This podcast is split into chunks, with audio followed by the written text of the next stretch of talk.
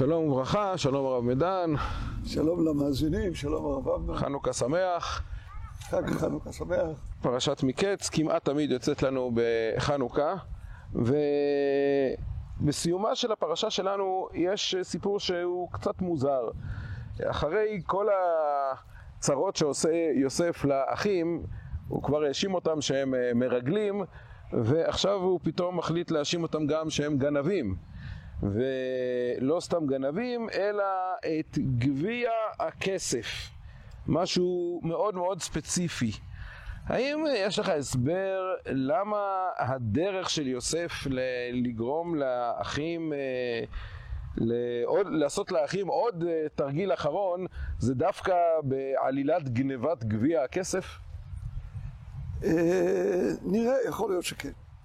קודם כל, כמובן לעצם העניין, יוסף רצה לתמרן את הדברים למציאות שבה הוא לוקח את בנימין למצרים, לוקח אותו בשבי, ממש כפי, ולוקח אותו לעבד, ממש כפי שהוא עצמו נמכר לעבד במצרים, כדי לנסות את האחים, אם הם שוב יתייחסו לזה בשוויון נפש, הלך עוד בן של רחל ונהיה עבד במצרים, ואנחנו חוזרים הביתה לנשינו ולילדינו. או שמא הפעם הם ימסרו את נפשם כדי להציל אותו ויכפרו בכך במידה רבה על חטא מכירתו שלו למצרים.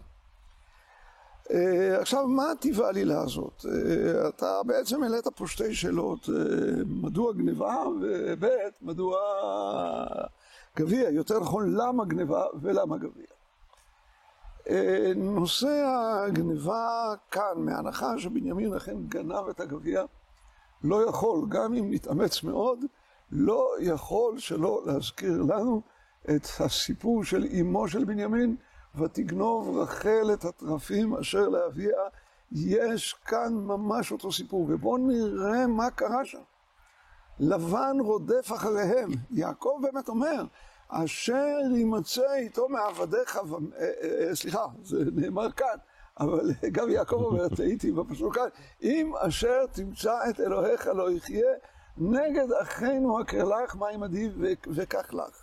אבל הסיפור הזה שקורה כאן, שנאמר בו לא רק לא יחיה, אשר ימצא איתו מעבדיך לא מת, אלא גם וגם אנחנו נהיה לאדוני לעבדים, זה שופך אור על מה לבן רצה מיעקב. מי שגנב אני אהרוג אותו. אבל גם אתם כולכם תחזרו להיות לי לעבדים, הרי זה מה שלבן רצה. הוא רצה לשעבד את יעקב כעבד עולם. יעקב יודע את זה ורואה את זה, וממילא וייחר ליעקב וירא ולבן. והוא אומר לא לגמרי בצדק, תוני ואת יגיע כפיי ראה אלוהים ויכו חמש, למה לא לגמרי בצדק? שהרי ולא ידע יעקב כי רחל גנבתם, רחל באמת גנבה את הגביע. אבל הרעיון הזה שהגונב הוא בן מוות, וכל החבורה שסביבו שמחפה עליו, הם אולי לא בני מוות, אבל הם ימכרו לעבדים, הרעיון הזה קיים והמקרה כאן שופך אור על שם, ומסביר גם כמה האחים היו צריכים לכעוס על בנימין. בתורה זה לא כתוב. יש מדרש אחד נידח שאומר שבאמת היכו אותו בין כתפיו, ולכן בין כתפיו שכן, ואמרו לו, הוי גנב בן גנבת.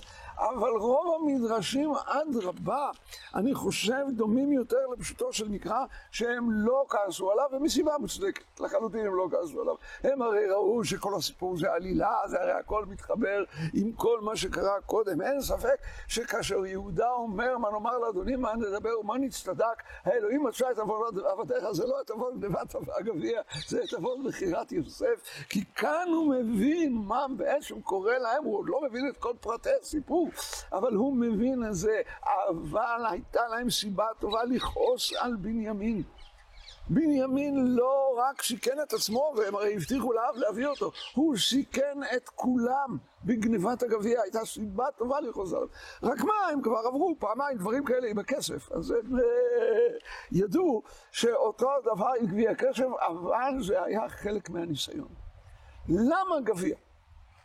לדבר הזה אני רוצה לענות תשובה כפולה. תשובה אחת שקשורה לפרשה כאן, והוא נחש ינחש בו. כלומר, איך בדיוק יוסף ידע את הכל ברגע שבנימין גונב לו את הגביע, זה המשך פעולת הריגול, זה כדי לדעת את כל הסודות של מצרים. אם לא הצליחו לדעת אותם כשריגלו, אז לדעת אותם דרך אה, גנבת הגביע, לדעת את כל סודות מצרים ולחזור לעלילת מרגלים אתם. צופן הניגמה. לדרוש להעניש את כולם. מה? הניגמה, הצופן... אה, ש- הסוף של העניין הזה. כן. אבל יחד עם זה אני רוצה לשאול כאן שאלה, וכיוון שלא יהיה לי זמן לענות תשובה, אז או שאתה תעיר על דבריי ותפרוך אותה, או שאתה תענה תשובה לשאלה שאני שואל. רחל גונבת את התרפים, כתוב כי התרפים דיברו אוון, והתרפים ניחשו. בנימין גונב את הגביע, בגביע הזה מנחשים, מנחשים בו. בואו נמשיך הלאה. ואנחנו יודעים, אחד הבנים המפוארים ביותר של רחל ובנימין הוא שאול. שאול. בואו נראה מה קורה שם. אה, יש לנו כל נחש שאינו כנחש אליעזר בעבד אברהם ויונתן בן שאול אינו נחש. הוא מנחש, אם כי על פי רוב הפוסקים זה היה נחש, זה היה נחש מותר, יוליין בראב"ד, אה, איך שהוא מסביר את העניין הזה, אבל הוא מנחש. יש שם כביר עיזים. יש שם uh, טרפים, מה שמיכל מחביאה שם בתוך המיטה, כל הדברים האלה. אלה דברים שקשורים לניחוש. יש לנו הסיפור של שאול שאוכלים על הדם במלחמה, כשנאמר לא תאכלו על הדם, לא תנחשו ולא תאוננו. יש לנו הסיפור של נוב עיר הכהנים, וכל כך הרבה סיפור על ניחושים במשפחה. איפה הגביע של בנימין משתלב בתוך כל הדברים האלה שבכולם אני חושב שניתן ללמד על המשפחה זכות גדולה. אבל איפה הגביע של הוא נחש ינחש בו ושנכנס בו לעושו של בנימין? איפה הוא נדבק לבנימין ולשבטו ולא עוזב אותו גם לאורך דורות עולם? את השאלה הזאת, הרב ארנון, אני משאיר לך לפני. אני רק אזכיר שבנימין לא גנב את הגביע, זה רק הייתה עלילה. כן, כן, ודאי, ודאי, ודאי, אמרתי, אבל איפה זה נדבק כן.